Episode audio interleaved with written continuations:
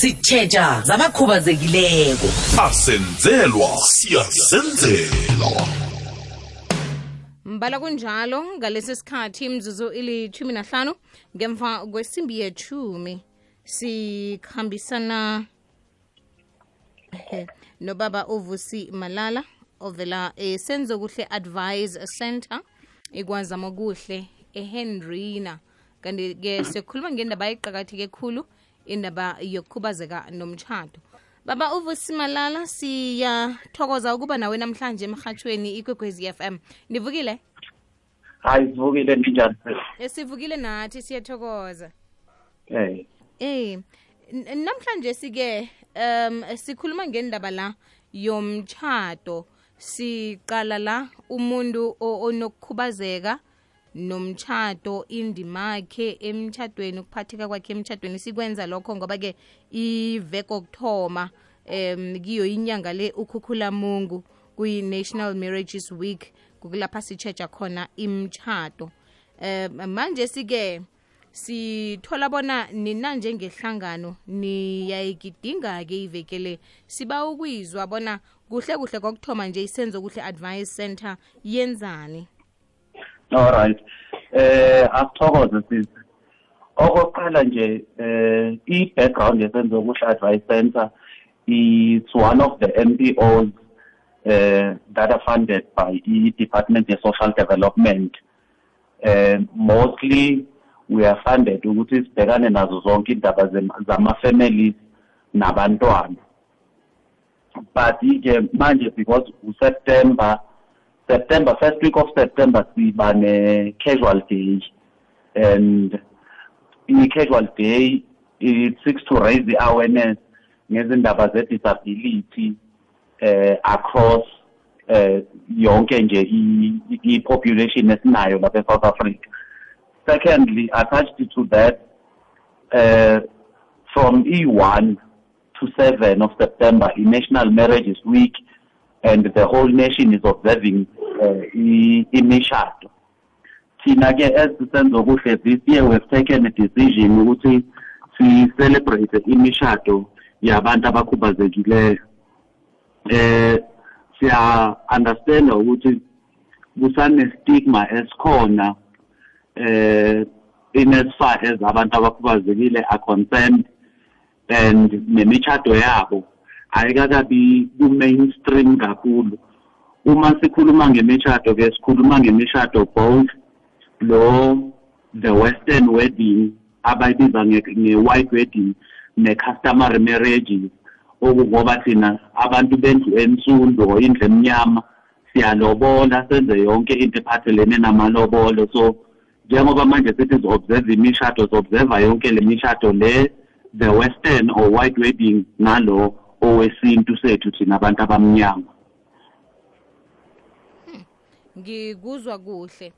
Um Mm. babumalala okhunye ngithanda ukukwazi ukuthi njengomuntu okhubazekileko ingahani iintshijilo nenkinga engihlangabezana nazo emtshadweni zihlukile kunalezi umuntu ongakakhubazeki ahlangabezana nazo?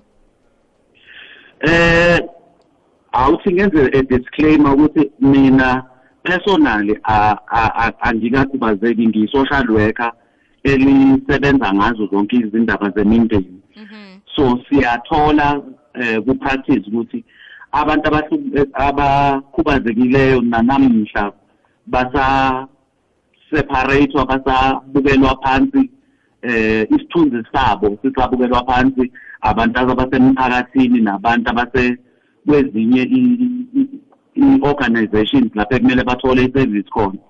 Kuba khona ukubukelwa phansi kwalabantu labo. So sithi asi-raise i-awareness njengoba si-celebrate imishado ukuthi nabo abantu abakhubazekileyo banawo amalungelo afana nawo wonke umuntu nabo bazimele nabo umthetho uyabavikela the same way uvikela umuntu ongakakhubazeki. So sithi sicelebrate le mishado leno ukuthi wonke umuntu akwazi ukuthi umuntu okhubazekileyo uyafana nomuntu ongakakhubazeki and nemishado yabo kumele ihlonitshwe.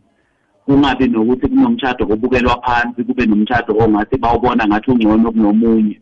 As long as kuwumuntu eh ahlonze umuntu sikuhloniphe namalungelo alowo muntu.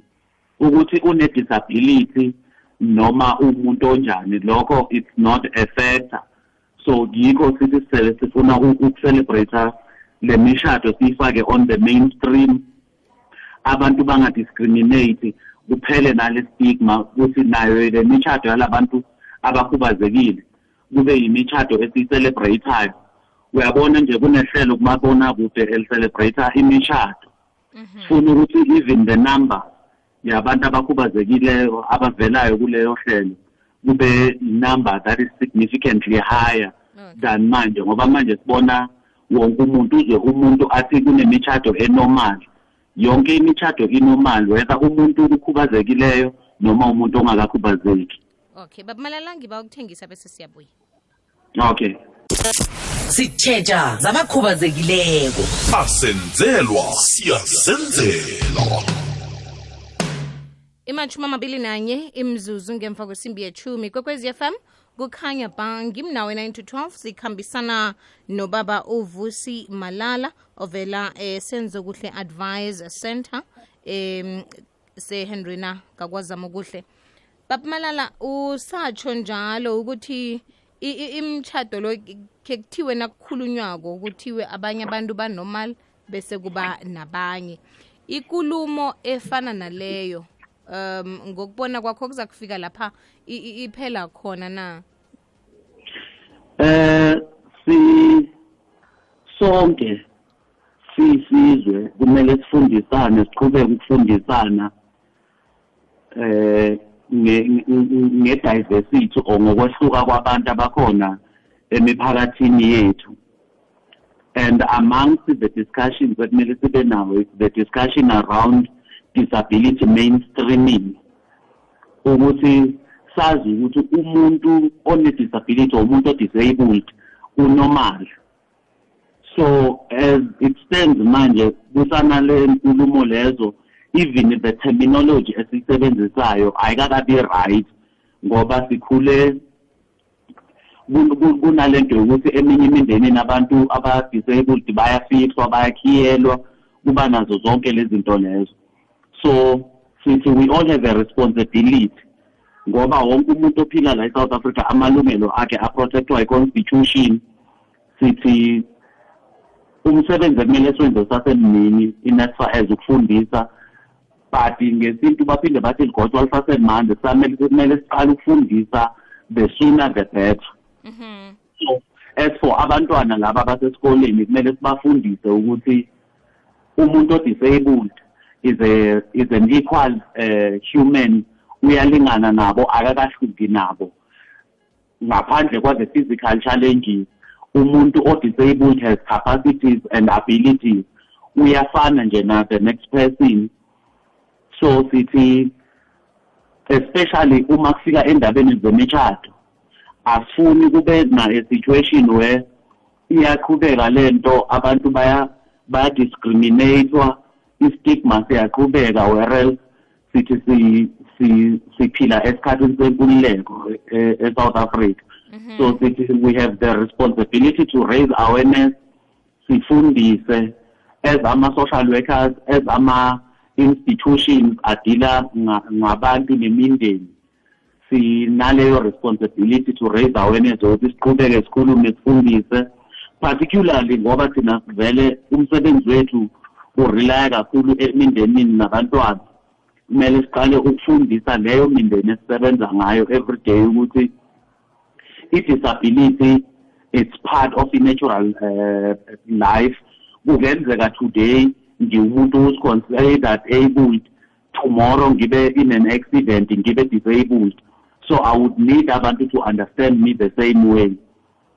So yikho sithi we are raising awareness ukuthi umuntu o-disabled still has onke ama- ama-rights wakhe protected by i- i-constitution equally their marriages nayo. Eh imishado yabo nayo iprotectiwe iprotectwa the same laws ekhona la eSouth Africa. Ngikuzwa kuhle um baba malala ngicabanga ukuthi ikulumo yakho i- i- ifaka hlangana nokuthi um siyazi ukuthi miningi imithetho engamele imtshado lokho kutsho um ikolo ukuthi umuntu uvela ekhayeni elinjani kuyaqalwa konke lokho bese uhlaliswa phasi ubuzwe. Manje sike sele singafani sinomuntu engitshada naye mina nginokukhubazeka yena akanakho. Uthole ukuthi umndeni wakhe awuzwisisi-ke konke lokho bona niyokuphila njani msi uyokusebenza. Umuntu lokufanele umenzele zonke izinto baba nento ezinjalo namkha iinkulumo ezifana nalezo. Ngicabanga ukuthi konke lokho kuyangena khona ekulumeni yakho le. Yebo kuyangena futhi that is why ngithi mina kubalulekile ukuthi siqhubeke to raise awareness sikhulume ngemishado yabantu abakhubazekileyo eh every day sifundise abantu ukuthi umuntu okhubazekileyo naye is still human naye unawo onke ama-rights unayo imizwa naye unelungelo lokuthi ashade then ukuthi during the um, ama-preparations wem- wemishado we we need to actually be part and parcel of the discussion. Si-assiste that is why i-department of social development inawo ama-centers afana nesenzo okuhle ewa ewa-assista ngeimali ukuthi a-assiste anama-social workers to assist emiphakathini ukuthi imiphakathi i-understand. So lapha abantu kuba ne-confusion khona banga-understand that is when ama-social workers akhona. Eh i-department of health nayo ikhona ukuthi i-assist. Onke lama-sister departments adlala in- indima eyi-one ukuthi ku-assisteke wonke umuntu ekugcineni ukuthi wonke umuntu a-enjoye eh impilo ene-quality. Kuzwakele bapumalala sithokoze khulu ukukhulumisana nawe namhlanje emhatshweni kwekwezi FM nifumane kanjani-ke senzo kuhle advice center? Eh si njengoba ngishilo yithi si located kwazama okuhle eHendrina eh fonini umuntu angashayela ku 079 585 0793 ngiphinde futhi inombolo 079 585 0793 uzothola usisimalindi ulindiwe Martins uye umuntu odila mostly nge nge-administration eh uye umuntu nje ugenerally the center manager then singaba available uku-assista lapha esinga-assista khona. Nanisizako njalo? Kutsho ukuthi niyabasiza laba balungisela ukungena emtshadweni um ngokuthi bathole inluleko nomndeni amanye amalunga omndeni nawo. Um avumelekile namkhamukelekile bona angeza nabo laba abatshadako yebo kakhulu sisi eh njengoba bengitshile ekuqaleni ukuthi eh thina sidila kakhulu ngemindeni nabantwana. Mm. so part and parcel of uh, umsebenzi wethu is marriage preparation marriage enrichment family preservation reunion ne-parenting. Kuzwakele sithokoza kakhulu baba malala. All right angibonge sisi